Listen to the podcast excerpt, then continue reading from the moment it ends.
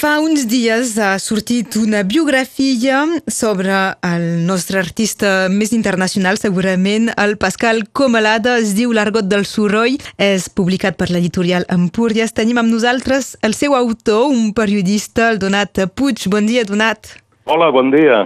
Aquesta biografia, de fet, és la segona que dediques a un personatge. Sí, uh, fa uns, diria que cinc anys, uh, em vaig dedicar una al, a en Jaume Sisa, tot i que en aquella ocasió estava articulada com un llibre de converses. Eh, naturalment era seguint el, el seu perfil biogràfic, eh? però la forma era d'un llibre de converses.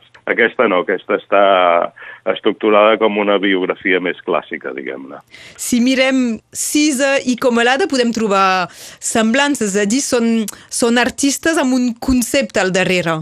Sí, són artistes eh, que eh, en podem dir, tot i que no és una paraula molt exacta, però gal galàctics, eh, per, per entendre'ns d'alguna manera. No? Es mouen amb uns, amb uns marges molt peculiars. Tenen el seu sí. planeta. Exacte.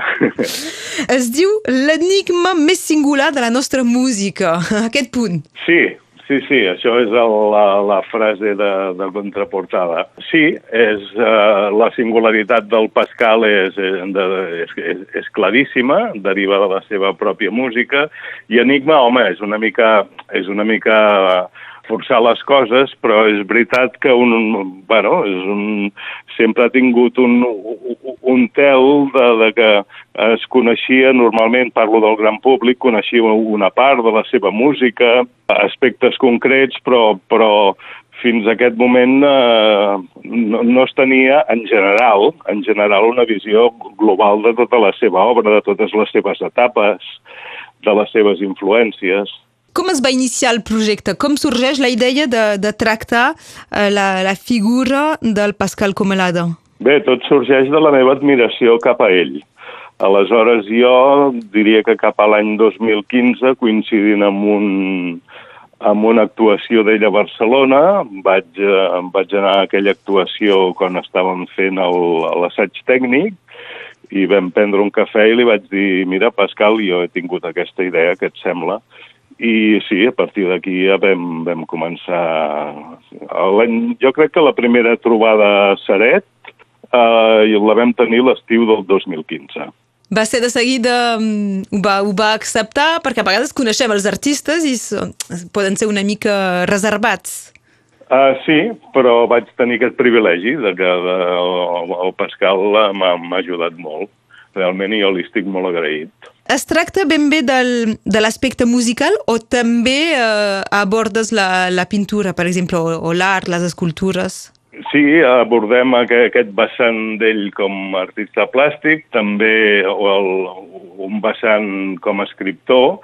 Ell és autor, entre altres coses, d'una magnífica enciclopèdia lògico-fobista de la música catalana, Uh, una mica uh, s'ha procurat donar una, una visió el més global possible d'aquest creador. I, evidentment, totes les, les etapes es coneix per, per tenir aquest soroll amb el bel canto orquestra de, de la, les joguines, és molt característic d'ell, però, sí. però és molt més que això. Sí, aquesta és una, és una part de, de, del Pascal, una part significativa, però hi ha mm, diverses etapes. Hi ha una etapa anterior de, de música electrònica i repetitiva també molt interessant i hi ha les seves col·laboracions amb cantautors, els últims anys també la seva estreta vinculació a un grup d'aquí de, de, de Perpinyà esplèndid que es diu Els Liminyanes.